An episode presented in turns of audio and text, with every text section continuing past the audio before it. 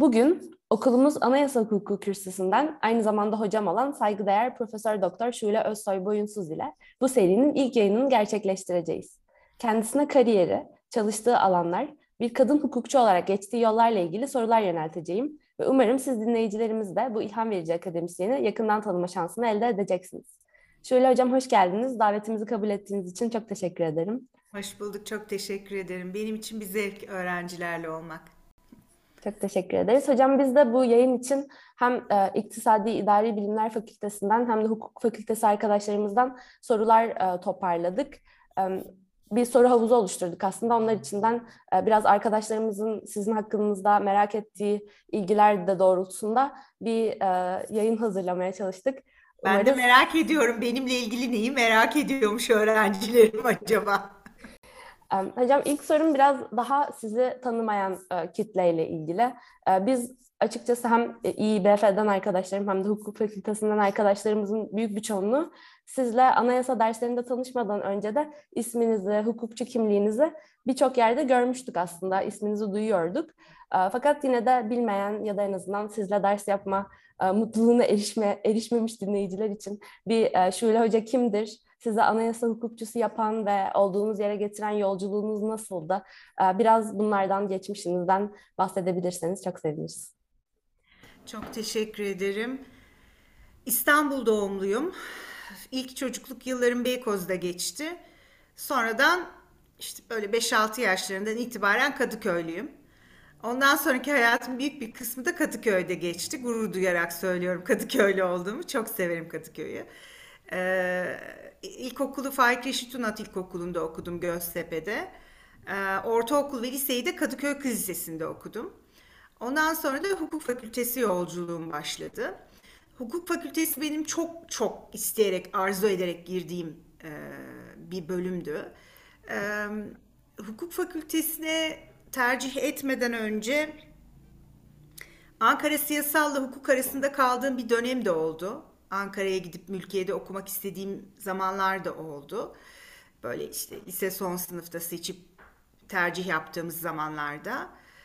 Fakat e, babam caydırdı beni. E, küçüktüm, sınıf atladım ilkokulda. 16 yaşındaydım üniversiteye başladığımda. E, işte Ankara'ya 16 yaşında ben seni gönderemem. E, burada zaten hukuk bitiren o işi de yapar, her işi de yapar. İstanbul'da bir okul dedi ve İstanbul'da istediğim okulda benim İstanbul Hukuk Fakültesiydi. Tabii şunu da söyleyeyim bu konuştuğumuz tarih 1988. Üniversitenin birinci sınıfına başladığım yıllar. Ee, Türkiye'de 6 tane hukuk fakültesi vardı ben hukuk fakültesi tercih ettiğim zaman. İstanbul'da da iki hukuk fakültesi vardı Marmara ve İstanbul. Tabii ben Marmara'yı hiç düşünmedim.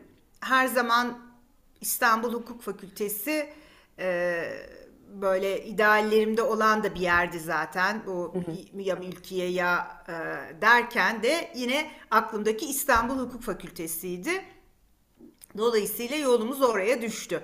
88-92 yılları arasında İstanbul Hukuk Fakültesi'nde öğrenci oldum. Ee, öğrenciliğimin son senesinde Bülent Tanör Türkiye'ye döndü e, ve anayasa hukuku kürsüsüne geldi. Böyle dalga dalga yayılan bir şeydi bu. Tanör dönmüş, tanör dönmüş filan. E, ben tabii e, Tanör Hoca'nın döndüğü kürsüden ders alma şansına sahip olamadım. Tek numaraydım. E, ve Burhan Kuzu'nun e, olduğu e, başka bir ekolü temsil eden e, kısımda tek numaralarla birlikte ders aldım. Yani Burhan Kuzu'nun öğrencisiydim birinci sınıfta. Anayasa hukukunu o zaman da çok severdim.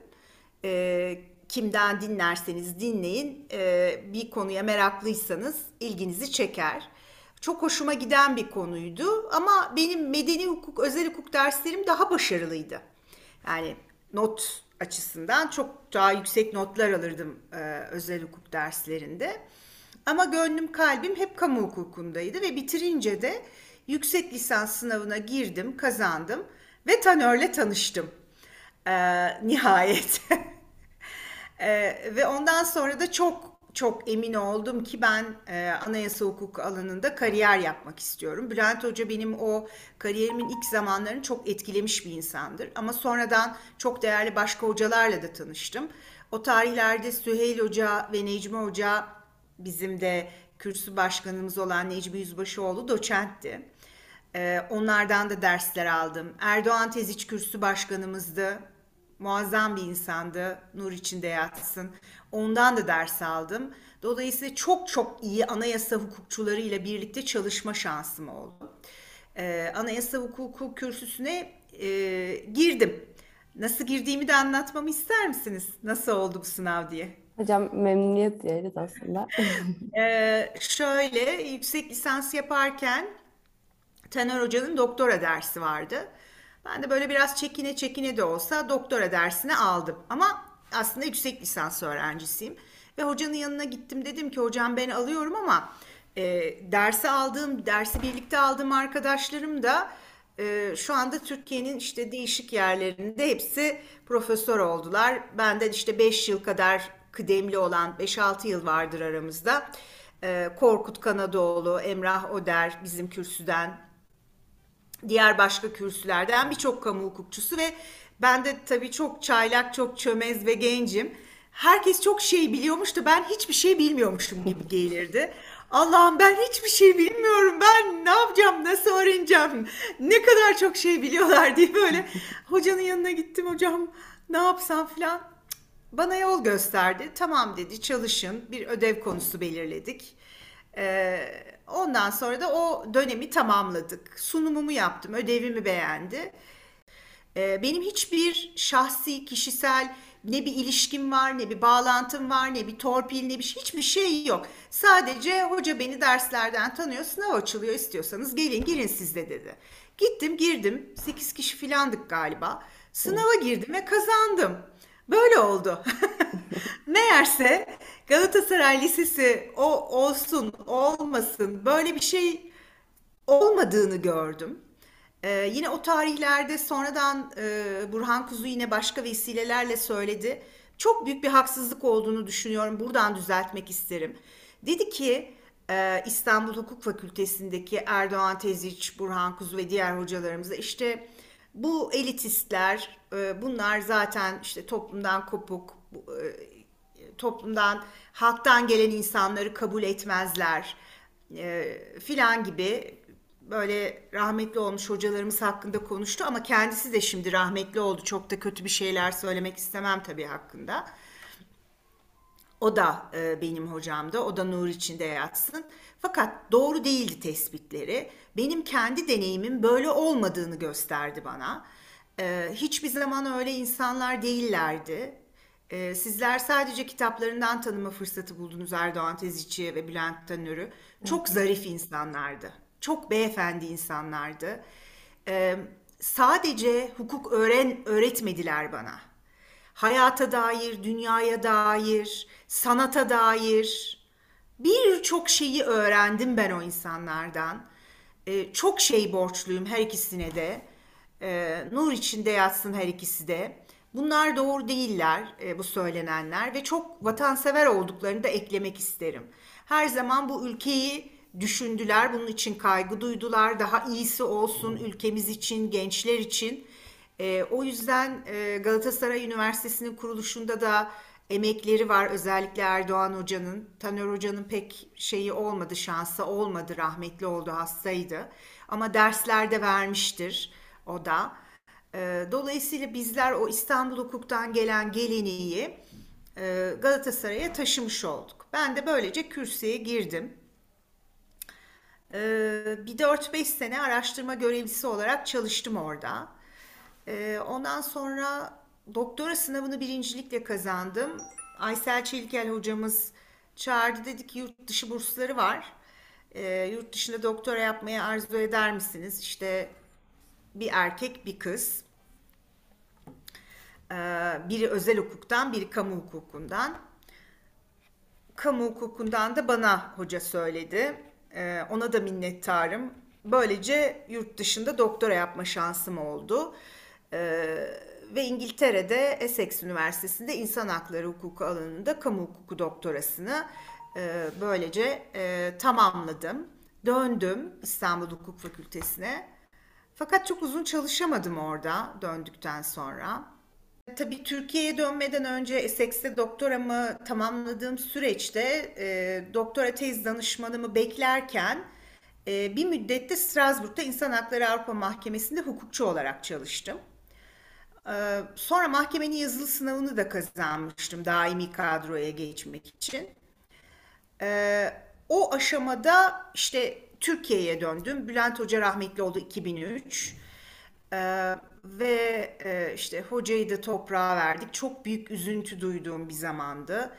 Ee, ve benim diğer hocalarım da Galatasaray Üniversitesi'ne geçmişlerdi. Galatasaray 96'da hukuk fakültesi kurulduktan sonra epey yol almıştı. İlk başta pek o kadar e, ilk yılları da biraz sendeledi, bocaladı ama ben döndüğümde epey toparlanmış bir e, fakülteydi. Geldim ve birlikte çalıştığım hocalarım yoktu tabii. Ee, ve çok sıkıntılı zamanlarım oldu İstanbul Hukuk Fakültesi'nde. O tam o zamanlardadır işte benim yazılı sınavı kazanışım. Ee, gideceğim artık Strasbourg'a. YÖK Başkanıydı Erdoğan Hoca o zaman. Tezim denkliğimi almak için tezimi YÖK'e verdim ve doktora denklik belgelerimi bekliyorum. Bir yandan da gitmeyi planlıyorum Strasbourg'a. Beni çağırdılar Galatasaray Üniversitesi'ne. Necmi Hoca Erdoğan Hoca. Necmi Hoca ile iki kere görüştük. Gitme, e, kal dedi. O tarihlerde tabii babam da çok gitmem yanlısı değildi. Ben orada sözleşmeli hukukçu olarak bulundum. Sonra döndüm. E, ama bu artık daimi gitmekti. İşte bu millet sen, bu milletin parasıyla okudun e, gidersen borcunu yerine getir. Bizim tabii iki katı borcumuz var. İşte 4 yıl kaldıysak 8 yıl. E, sana güvendiler, verdiler, okuttular. Bu millete borcun var, gitmeyeceksin filan. Babam da e, öyle söyleyince, hocalar da bana bu imkanı verince böylece Galatasaray Üniversitesi'ne geldim. E, geçtim ve ondan sonra da en mutlu, en huzurlu çalıştığım, çok rahat ürettiğim öğrencisinden tutun da bütün çalışanlarına ve akademisyenlerine çok sevdiğim bir yer oldu Galatasaray benim için. Ee, yani e, yuva oldu öyle söyleyeyim. Ee, öyle bir yuva ki hangi koşul içinde bulunursam bulunayım mutlaka gelirim, e, dersimi anlatırım. E, kendimi borçlu hissettiğim bir yerdir ve öğrencisini de çok severim. Birçok yerde de hocalık yaptım. Başka vakıf üniversitelerinde de yaptım. Ee, çalıştığım başka yerlerde oldu. Ee, Galatasaray'ın öğrencisi bambaşkadır. Zekası, terbiyesi. Onun için orada hocalık yapmak zevk. İnsanın ömrünü uzatıyor böyle gençlerle birlikte olmak. Hocam aslında bu cevabınızla benim iki sorumu birden cevaplamış oldunuz. Ben farklı bir röportajınızda da Galatasaray Üniversitesi ile ilgili burayı çok mutlu çalıştığım bir yuva olarak nitelediğinizi duymuştum. Hem buranın öğrencisi olarak çok büyük bir sevinç benim adıma da arkadaşlarım adına da. Aslında biraz buradaki gözlemlerinizden de bahset, bahsetmenizi isterim ben. Galatasaray Üniversitesi'nde çalıştığınız yıllarda öğrencisi, akademisyeni, çalışma ortamı sizin için nasıldı? Bir de yurt dışında da uzun yıllar bulunmuş olduğunuz için ve bu da arkadaşlarımdan gelen sorulardan biri olduğu için yurt dışında okuduktan sonra neden Türkiye'ye dönmeyi tercih ettiniz? Strasbourg e, detayını biz bilmiyorduk fakat bunu da ekledikten sonra e, buraya gelmiş olduğunuzdan mutlu musunuz? Ya da yurt dışı ile burayı kıyasladığınızda nasıl bir ortam var? Biraz onları da sormak isterim aslında bu cevabınız. Tabii biz 20 sene öncesinden bahsediyoruz burada 2002-2003'ler falan. Yani e, 20 yıl geçti ama özü değişmemiştir herhalde. Önce şunu söyleyeyim. Asla pişman olmadım Türkiye'de kaldığım için İyi ki yapmışım, iyi ki gitmemişim, iyi ki Necmi Hoca, iyi ki Erdoğan Hoca beni yolumdan çevirmiş. Ee, gel çalışalım demişler. Onlara da her zaman minnettarım. Ee, bu şimdi Galatasaray Üniversitesi ile ilgili tespitlerimde e, ne demek istediğimi belki biraz daha açıklarım. Birincisi ben akademik olarak e, hiç baskı görmedim Galatasaray Üniversitesi'nde. Başka üniversitelerde gördüm ama ya, yani düşüncelerimden, yazdığımdan, çizdiğimden e, Türkiye'de e, akademik anlamda çalışma yapılabilecek 2-3 yerden kalan böyle kıymetli bir hazine gibidir. Ee, bir e, kraliyet tacının mücevheri gibidir benim için. Öyledir. Ve hukuk fakültesi olarak da sayılı hukuk kalan sayılı hukuk fakültesinden biridir. Çok özgür çalışma ortamı verdi. Sadece özgür çalışma ortamı vermedi. Destek de verdi. Ben e, postdoc yaparken bugün hükümet sistemleri çalışabiliyorsam bunu yine Galatasaray Üniversitesi'ndeki e, üniversitesinden aldığım desteğe bağlı 2007 yılında ben e, Dublin'e gittim ve hükümet sistemleri alanında dünyadaki sayılı hocalardan birisi olan Robert Elci ile çalışma şansım oldu. Birlikte postdoc yaptım e, onunla ve hükümet sistemlerine dair çok şey öğrendim. E, çok sayıda bütün dünyadan akademisyenle tanışmama vesile oldu. Bambaşka bir network'e girişime vesile oldu. İşte oraya gidişim de yine bir proje kapsamında Galatasaray Üniversitesi'nin sağladığı ekonomik destekle oldu e, üniversite o projeyi destekledi, benim hazırladığım projeyi ve öyle gitti. Onun dışında e, kantinde çalışanından tutun da hizmetlisine kadar herkesin bir aile gibi birbirine nezaketle yaklaştığı bir yerdir. Bunu ben çok seviyorum. Bu çok hoşuma gidiyor. Kabalığı hiç sevmiyorum çünkü. Ee, ve e, hem rahat özgür çalıştığım hem de nezaketle, nezih insanlarla çalıştığım bir yer oldu ve öğrencisinin de sevdiğim şöyle bir yönü var. Ee, kendi sınıfları içinde bir dayanışmaları vardır. Çok farklı sosyal sınıflardan da gelseler, siyasi düşünceleri farklı da olsa, e, böyle farklılıklara rağmen birbirlerini kırmazlar, incitmezler. E, salt bu sebeplerden dolayı. E, o da benim çok hoşuma giden bir şey. Ee, bunlar Galatasaray Üniversitesi'ne bu kadar bağlı olmamın sebepleri. Ee, ve yurt dışı ile kıyaslama sorusuna gelince, e, evet yurt dışında da bulunduğum üniversite insan hakları alanında, siyaset bilimi alanında filan İngiltere'de iyi çalışmalar yapılan bir yerdi. Evet güzeldi. Çok şey orada da öğrendim. Oradaki hocalarımdan da öğrendim. İki durum var. Bir, birincisi ait olamıyorsunuz. Evet çok güzel olabilir. Orada bulunmak, oradan bir takım şeyleri almak, öğrenmek güzel. Ama benim ülkem değildi. Bana ait değildi. Ben İstanbul'u e, çok severdim o tarihlerde. Şimdi çok kalabalık geliyor bana. Ama o zamanlar çok özlerdim.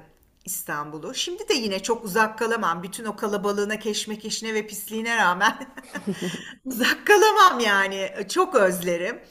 Ee, bize ait şeyler yani ait hissetmekle ilgili bir şey. İkincisi de bunu da söylemek isterim. Atatürk'ün e, gençliğe yüklediği bazı vazifeler var. E, ben bu vazifeleri çok galiba e, çocukluktan itibaren özümsemiş de bir insanım bizim bu memlekete bir borcumuz olduğunu düşünüyorum. Ee, daha iyi bir yer yapma borcumuz var.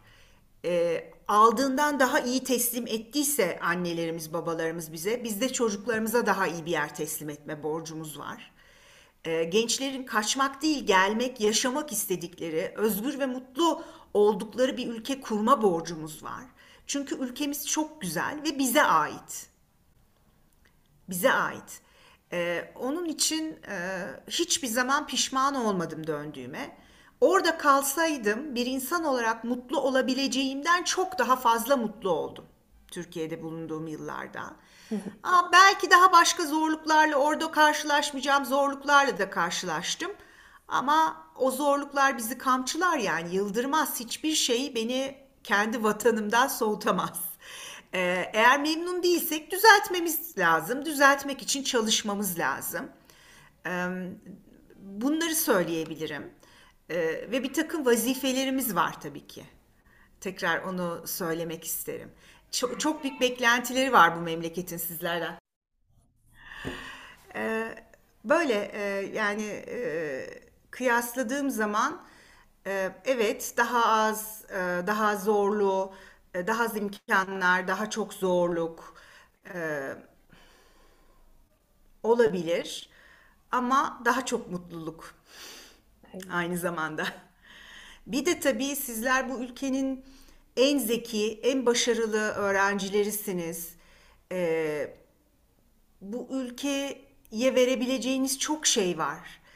Anneleriniz, babalarınız, bizler sizi bir başka ülkenin önümüzdeki 100 yılını ya da 200 yılını kurtarın diye yetiştirmedi. Bu ülkeyi e, beğenmediğimiz şeylerini düzeltin, daha güzel hale getirin diye yetiştiriyoruz. Çok büyük umutlarımız var sizden.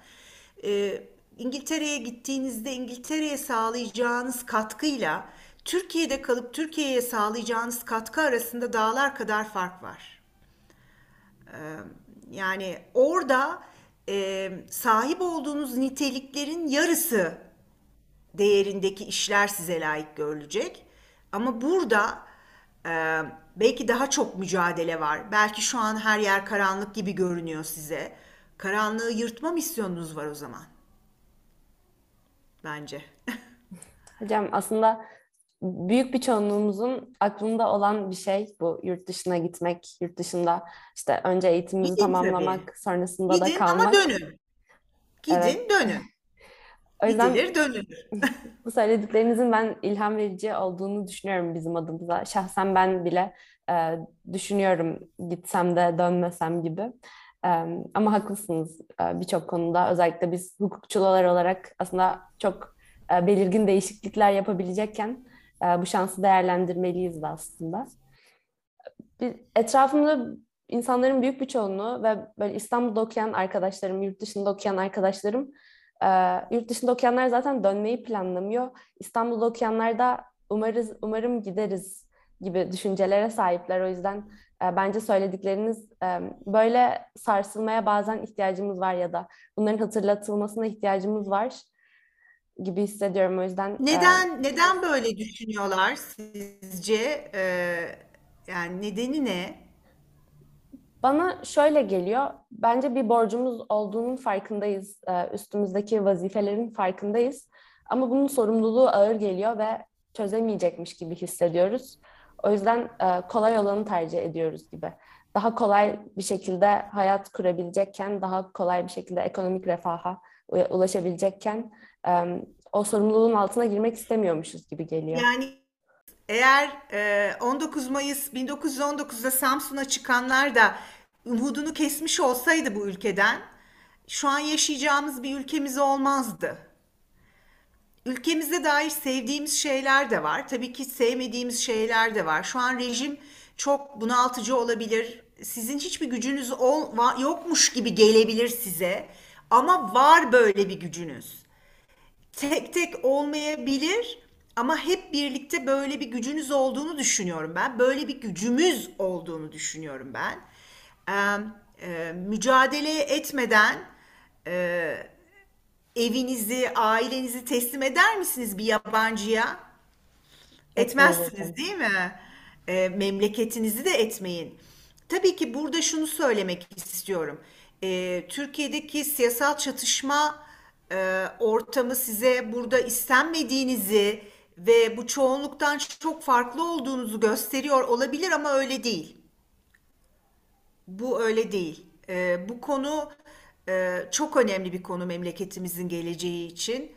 Ee, bence Türkiye'de yapabileceğiniz çok şey var. Bizim öğrencilerimizin, başka üniversite öğrencilerinin, yetişmiş insanların ve bu çok da uzak bir tarihte değil yani. E, Hiçbir zaman hiçbir şey mutsuz diye bir şey yok. Bu bir siyasal gelişmede bir evredir. Böyle evreleri oluyor ülkelerin. Her ülkenin, bugün gitmek istediğiniz ülkelerin de var böyle evreleri. Haklısınız hocam. Bence kesinlikle bunların hatırlatılması gerekiyor bizim neslimize de. Çünkü çok karanlığa düştüğümüz, umutsuzluğa düştüğümüz durumlar oluyor bizim de.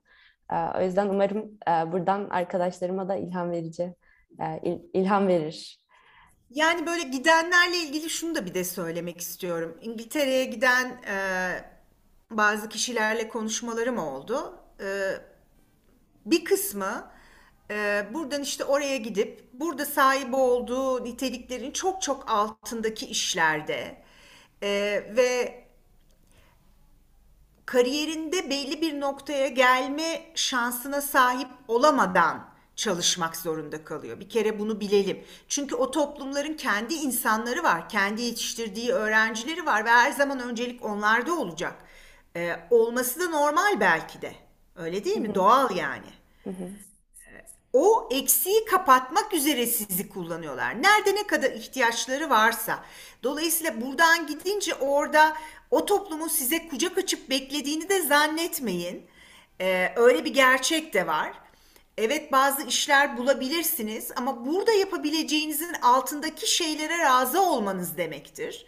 Ha, bir yine de evet ama refah devleti yine de daha rahat yaşayacağım ben e, diyorsanız evet belki E, ama e, hani bu sizi uzun vadede ne kadar tatmin edecektir ya da o topluma ne kadar entegre olabileceksiniz?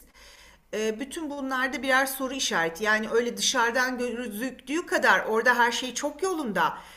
Kucak açmış bizi bekliyorlar falan gibi bir şey yok. Yani bir ülkede göçmen olmak çok cazip bir şey değil. Kendi ülkemde mücadele etmeyi tercih ederim. Anladım hocam. Em, haklısınız bence yorumlarınızda da. Em, umarım biz de bu yönden bakmayı Umarım öğrenebiliriz ikinci diyeyim. defa düşündürürüm sizi. Yani ben e, şöyle söyleyeyim. Ben Strasbourg'da bulunduğum dönemde e, mahkemede çalışırken diplomatik pasaportu olan işte Avrupa Konseyi'nde çalışan bir insandım. E, ama yine de e, gittiğim şehirde e, belki bu biraz özel olacak ama çok yalnız hissettim. Çok e, ait olmadığımı hissettim. Yani e, nasıl söyleyeyim bir araştırma görevlisi olarak İstanbul'da aldığım paranın çok daha fazlasını almış olabilirim orada. Ama daha az parayla daha mutlu yaşadığım zamanları biliyorum ben yani. Bilmiyorum bu belki de benim için böyle. E, ama şöyle söyleyeyim yani bir an bir anlık bir şey değil hayat. Uzun bir yolculuk. Uzun bir yolculuk ve bizim çok gençken yaptığımız tercihlerle belirlenen bir yolculuk. Belki bu kısım çok adil değil. Çünkü çok dünyayı tanımadan bazı tercihler yapıyoruz. Ama ben e, doğru tercih yaptığımı düşünüyorum orada kalmayarak. Ve sizlere de diyorum ki evet şu an bazı şeyler daha cazip gibi gelebilir. Ama bu bu ülkede önünüz çok açık. Çok güzel işler yapabilirsiniz. Her biriniz tek tek. Teşekkür ederiz hocam. Umarım bu şekilde olur. Aslında buradan farklı bir soruya atlayabilirim. Bu biraz daha artık bize yönelen, bizden kastım da gençlere, öğrencilere, hukuk okuyan ya da farklı bölümler okuyan öğrenciler ama biraz daha hukuk fakültesi özelinde bir şey sormak istiyorum. Siz az önce de bahsettiniz, bize derslerde de bahsetmiştiniz. Anayasa hukukunu daha ilk seneden sevmiş olduğunuzu ve anayasa hukukçusu olmaya karar verdiğinizi söylemiştiniz. Daha önce e, sizle şöyle bir sohbet de yaşadığımızı hatırlıyorum. E, hukukçularda özel hukuk kumaşı ve kamu hukuku kumaşı olur gibi bir ifadeniz vardı. Belki onu Evet. biraz açmanızı isteyebilirim. E, hem siz e, sizde kamu hukuku kumaşı olduğunu nasıl fark ettiniz ya da şu anda da bunu düşünüyor musunuz? Çünkü özel hukuk derslerinde hep daha e, iyi notlar aldığınızı söylemiştiniz ama şu anki bir kamu hukukçusu olarak başarınız da e, aslında kamu hukukunda çok başarılı olduğunuz, olduğunuzu kanıtlıyor. E, Ben onunla ilgili bir soru sormak istedim. Hem anayasa hukukuna Ee, daha ilk seneden nasıl karar verdiniz şöyle e, güzel bir soru. Evet, şöyle anlıyorum bunu. Ee, ilgi, sevmek. Ee, bazı öğrencilere özel hukuk daha somut olduğu için, daha hayatın içinden problemlere çözümler aradığı için, bazı öğrenciler onu daha çok sever. Her zaman daha çok ilgisini çeker. O konuda okumak, araştırmak ister. Ee, ve daha başarılı olur. Ee, ben em, özel hukuk derslerinde yüksek notlar alıyordum. O dersleri de çok seviyordum ama kamu hukuku derslerini çok daha fazla seviyordum. Yani araştırmak istiyordum, anlamak istiyordum, öğrenmek istiyordum. Bu, bu merakı uyandırıyordu bende. Em, anayasa hukuku e, da öyle. Tabii soyut olduğu için e, ve lisede aldığımız eğitimin belki de eksikliklerinden dolayı birinci sınıfta çok zor geliyor anayasa hukuku öğrencilerin bir kısmına. Ya da belki hepsine zor geliyor. İşte soyut e, kavramlar olduğu için e, medeni hukuk daha eğlenceli, daha somut gelebiliyor. E, ama bazı öğrenciler bütün bu farklarına rağmen yine de anayasadan yana daha çok sevgi gösteriyorlar, daha ilgi merak gösteriyorlar. O öğrencilerde kamu hukuk kumaşı olduğunu düşünüyorum ve düşünme tarzıyla ilgili bir şey. Yani düşünürken e, kamu hukukunun mantığını daha e, rahat kavrayıp e, düşünebiliyorlar. E, o, o sebeple söyledim ama bazen her ikisinde de çok başarılı insanlar olamaz demek istemedim. E, öyleleri de var tabii ki. Tabii. Olabilir ama bende kamu hukuku kumaşı vardı. E, onu da şöyle söylemişti Taner. E, ben dördüncü sınıfta birçok derste başarılıydım ama medeni usul bunlardan biri değildi ve icra. E, pardon, icra dersi. Dördüncü sınıftaki icra iflastı. Ben kaldım icra iflastan. Sonra işte hoca sordu filan. E, hocam dedim ben hep işte hiç o zaman Eylül'de olurdu bütünlemeler. Ben hiç işte büte kalmadım ama bir kere oldu. İşte hangi ders dedi. E, ben dedim icra iflastan kaldım. Aa dedi anayasacılar icradan çakar. o da kalmış icra iflastan. işte kamu hukuku kumaşı. Yani ben e, medeni hukuk derslerini severdim ama icra iflas e, hiç anlamadığım bir dersti ve çok böyle geçtim bütünlemede tabii çalıştım filan ama sınavdan çıktım 5 dakika sonra unuttum her şeyi öyle bir şeydi yani. Bugün bana sorsanız hiç bilmem icra iflas hala bilmiyorum yani. Anladım hocam. Benim de çok ilgimi çekmişti böyle bir kumaş muhabbetinden bahsedince. Çünkü biraz gözlemleyince bizim aramızda da öyle bir ayrım var. Bir grup anayasa, hukuku, genel kamu gibi dersleri daha çok seviyor. Diğer grupta işte medeni daha eğlenceli, Roma hukuku daha eğlenceli gibi yorumlar yapıyor. O yüzden aslında gerçekten ilgiye göre şekillendiğini de görebiliyoruz. Tabii tabii. tabii. Özel hukuk kumaşı olanlar için anayasa bitmeyen bir çiledir. Çok soyut oluyor olduğu için. Hocam biraz aslında şeyden de um, anlaşılıyor gibi. Um, siyaset okumak istediğinizi söylemiştiniz. Mülkiyeye gitmek istediğinizi uh, bu konuşmamızın başında. Evet, evet. Aslında anayasa biraz onunla da angaja bir şey. Um, siyaset bilimiyle çok içli dışlı. Oradan da belki Doğru doğru ben yani çok doğru kesinlikle siyaset bilimi e, yani mülkiyede belki okuy okuyamadım ama siyaset bilimiyle e, ucundan kıyısından uğraştığımı düşünüyorum. Çünkü interdisipliner bir alan anayasa hukuku. Evet. E, ve çok sayıda siyaset bilimcinin yazdıklarını okuyorum, takip ediyorum, anlamaya çalışıyorum. E, çünkü ben e, aslında hukuku şöyle düşünüyorum. E, her şeyin bir ekonomi politiği var. Her şeyin bir sosyal arka planı var. Hukuk sadece bir üst yapı, bir araç. Neden bu hukuk kuralları konuldu? Bunun arkasında hangi ilişkiler var? Hangi kavgalar var? Hangi çıkarlar var? Bunları anlamak istiyorum. Neden o kurallar geldi? Kuralları çok iyi anlayıp tatbik etmekten çok neden bu kuralların oluşturulduğuyla meşgul olmayı seviyorum galiba. anladım hocam. Buradan da biraz e, şeye girebiliriz belki. Hükümet sistemleri, parti sistemleri bunlar bizim de sizle tanıştığımızda e, öğrenmeye başladığımız konulardı. Ama güncel olarak da bu konular üzerinde e, çalıştığınızı biliyoruz. İşte size özellikle bu jenerasyonun bireyleri olarak sizle belki televizyonlarda, platformlarda, haber platformlarında ilk tanışmamız e, biraz daha hükümet sistemi tartışmaları aracılığıyla oldu. Bunun hukuki boyutunu değerlendirdiğiniz yayınlarınız var. Ben biraz bundan da yola çıkarak şu an akademik çalışmalarınızı nerelere yoğunlaştırıyorsunuz ve neden e, neden mesela hükümet parti sistemleri gibi konuları özellikle e, çalışıyorsunuz? E, biraz bunları sormak istedim. E, bunun dışında ilginizi çeken anayasa hukukunun başka alanları varsa tabii ki bunları da duymak isteriz. E, anayasa hukukunun her alanı çok ilgimi çekiyor. Uzunca yıllar e, insan hakları ile ilgili çalıştım. Ama benim araştırma konularımı belirleyen şey e, benim e, sevgim olmuyor. Türkiye'nin problemleri oluyor. Ee, şunu düşünüyorum.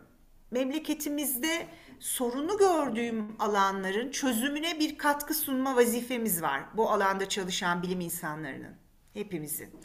Ee, eğer gerçek bir problemi varsa bu ülkenin, bizim de vazifemiz bu problemin nasıl çözülmesi gerektiği konusuna kafa yormak, yazmak. Ee, onun için uzunca yıllar insan hakları çalıştım ve sonra hükümet sistemleri çalışmaya başladım. 2007'de başladım. Ee, o zaman e, işte yarı başkanlığa doğru Cumhurbaşkanı halk tarafından seçilmesiyle birlikte Türkiye'nin e, parlamenter sistemden çıkış çıkmaya başlamasıyla e, benim de bu e, meselelere kafa yormam başladı. E, bu, şu anda çalıştığım konu güçlendirilmiş parlamenter sistemle ilgili bir kitap yazıyorum. Çeşitli makaleler var elimde. Bir tanesini işte gönderdim bizim fakültemizin dergisine. Ee, yazmakta olduğum bazı makaleler ve bir kitabım var. Onu da yine e, İstanbul'a rapor hazırladığım Berk e, Esen genç bir arkadaşım siyaset bilimci. E, o, onunla birlikte hazırlıyoruz. O siyaset bilimi kısımlarını ben anayasa hukuk kısımlarını yazıyorum. Ve e, bu gençlerin bu ülkeden kaçmasına neden olan kötü yönetim olduğunu düşünüyorum bunun. Bunu nasıl giderebiliriz? Devletin örgütlenmesini, e, vatandaşlarının refahı ve mutluluğu için nasıl reforme edebiliriz? Daha müreffeh, daha mutlu insanların yaşadığı bir ülkeyi nasıl yaratabiliriz? E, temel mesele bu. Bunun içinde hükümet sistemin değişmesi gerektiğini düşünüyorum. Ben 2015'te de çok yanlış olduğunu düşünüyordum o, o tarihlerde önerilen hükümet sistemi. Aşağı yukarı ana hatlarıyla o geldi geçti 2017'de. Ee, biz ben bu ülkenin bu milletin parasıyla okudum. Ee, dolayısıyla e, bu da benim borcumdur, vazifemdir. Ee, yine bu ülkenin parasıyla kurulmuş bir üniversitede hocalık yapıyorum. Biz bir devlet üniversitesiyiz. Ee, bunlar bizim temel görevlerimiz, misyonumuz bu. Bu memleket için çalışmak yani bu.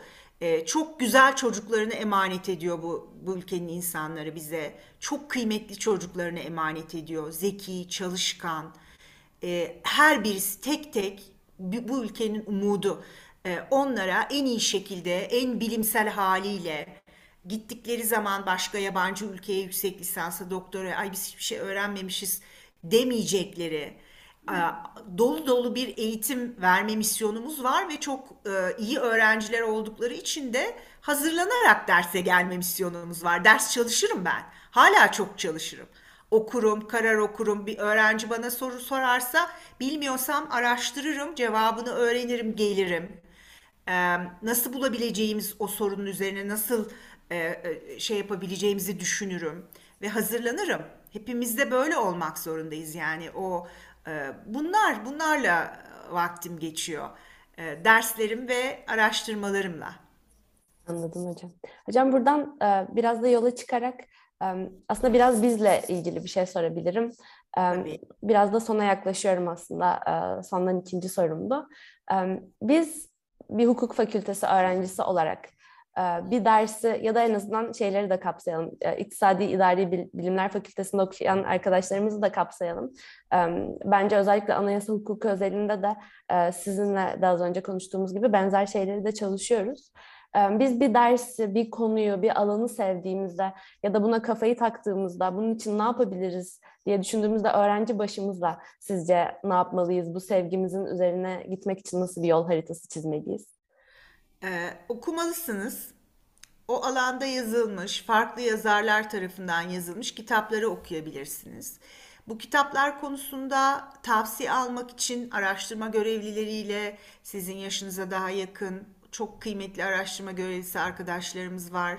Bizim kürsümüzde Burcu bir tanedir. Ee, öğrencilere hep çok yardım eder. Onlarla konuşabilirsiniz.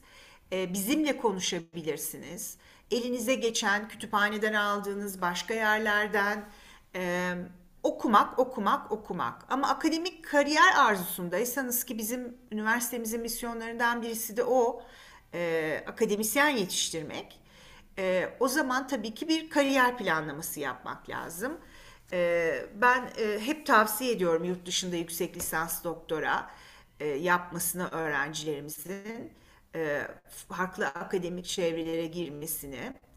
E, ve mesela geçtiğimiz hafta New York'ta bir öğrencimiz var şimdi. Galatasaray Hukuk'tan mezun. New York Üniversitesi'nde burslu olarak bulunuyor.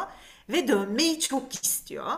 E, dönecek. Bunu da size yani gitmek isteyenlere söyleyeyim.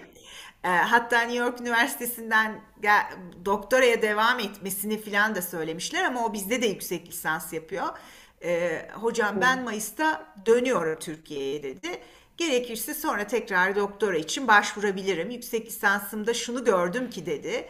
Bizim Galatasaray Üniversitesi'nde özellikle anayasa hukukunda çok iyi bir eğitim aldığımızı gördüm dedi. Fazlasıyla yani buradan bir aşağı yanımız yokmuş onu gördüm. Birçok şeyi çok iyi öğrenmiş gelmişim dedi. Bunun için teşekkür ederim size dedi. Bu beni o kadar çok mutlu etti ki göğsüme madalya takılmış gibi oldu bir öğrencimin bunu takdir etmesi. Ee, ve en çok da dönüyor olması. O da akademik kariyeri çok isteyen bir öğrencimiz. Ee, Türkiye'nin dört bir yanında bizim bizden lisans almış, yüksek lisans, doktora almış akademisyenler var. Ee, o yüzden akademik kariyer e, düşünüyorsanız eğer e, o alanda kamu hukukuysa yüksek lisansınızı kamu hukuku yüksek lisansı e, ondan sonra da doktoranızı yapmanız gerekiyor. Çok teşekkür ederiz hocam.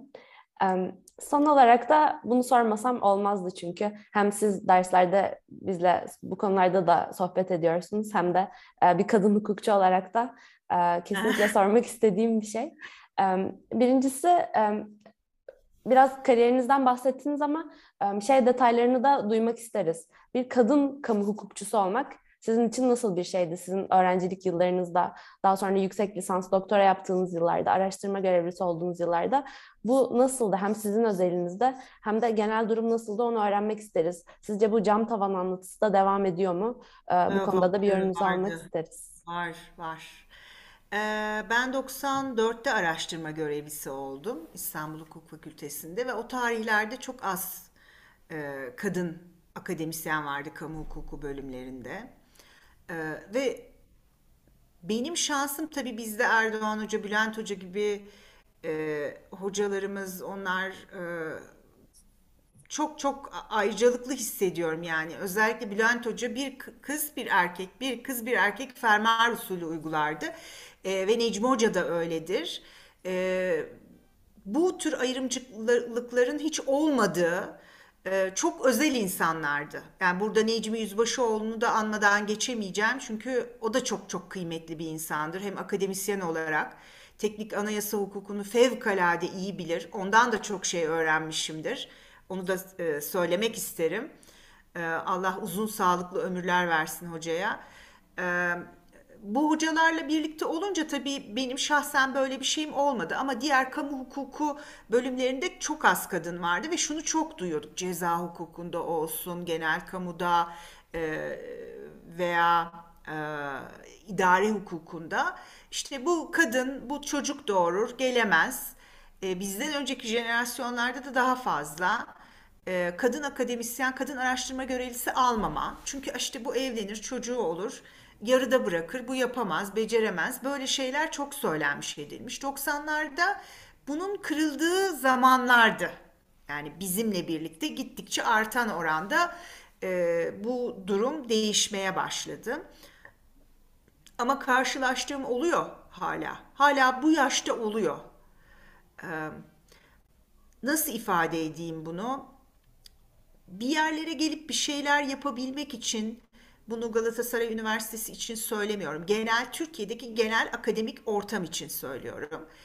Ee, söylediğiniz sözün değeri e, karşınızdaki erkeklerden belki bazen iki kat daha başarılı olmanıza ya da daha iyi olmanıza bağlı olabiliyor.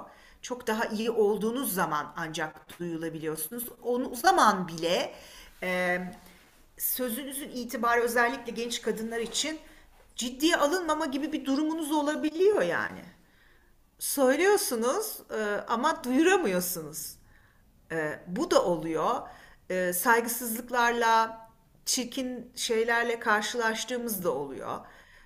Yani ben mesela profesör olduktan sonra bile görüyorum. Bir sınavda bir e, bir soru soruyorsunuz. Hemen başka bir erkek hoca güceniyor yani nasıl olur da sen benden önce konuşursun ya da benim e, ben konuşuyordum burada çok kıymetli fikirlerimi açıklıyordum. Sen nasıl olur da böyle yani bu tür şeylerle karşılaşmıyor değiliz. Twitter'da bile e, e, geçen sene miydi, ondan önceki sene miydi?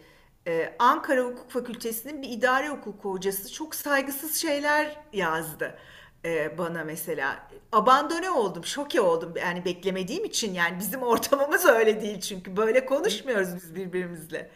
Ee, e, bunlar ama bir kadın olunca çok daha kolay yapılabiliyor galiba size. Oluyor ama Anladım fark etmez. Önemli değil. Cam duvarı kırana kadar devam. Herkes için, sadece kendimiz için değil bu arada. Ee, ne kadar çok örnek olursa e, o kadar çok o, o, o, o kalkıyor, kırılıyor, sarsılıyor. Ee, şimdi şimdi de şöyle bir şey gözlüyorum.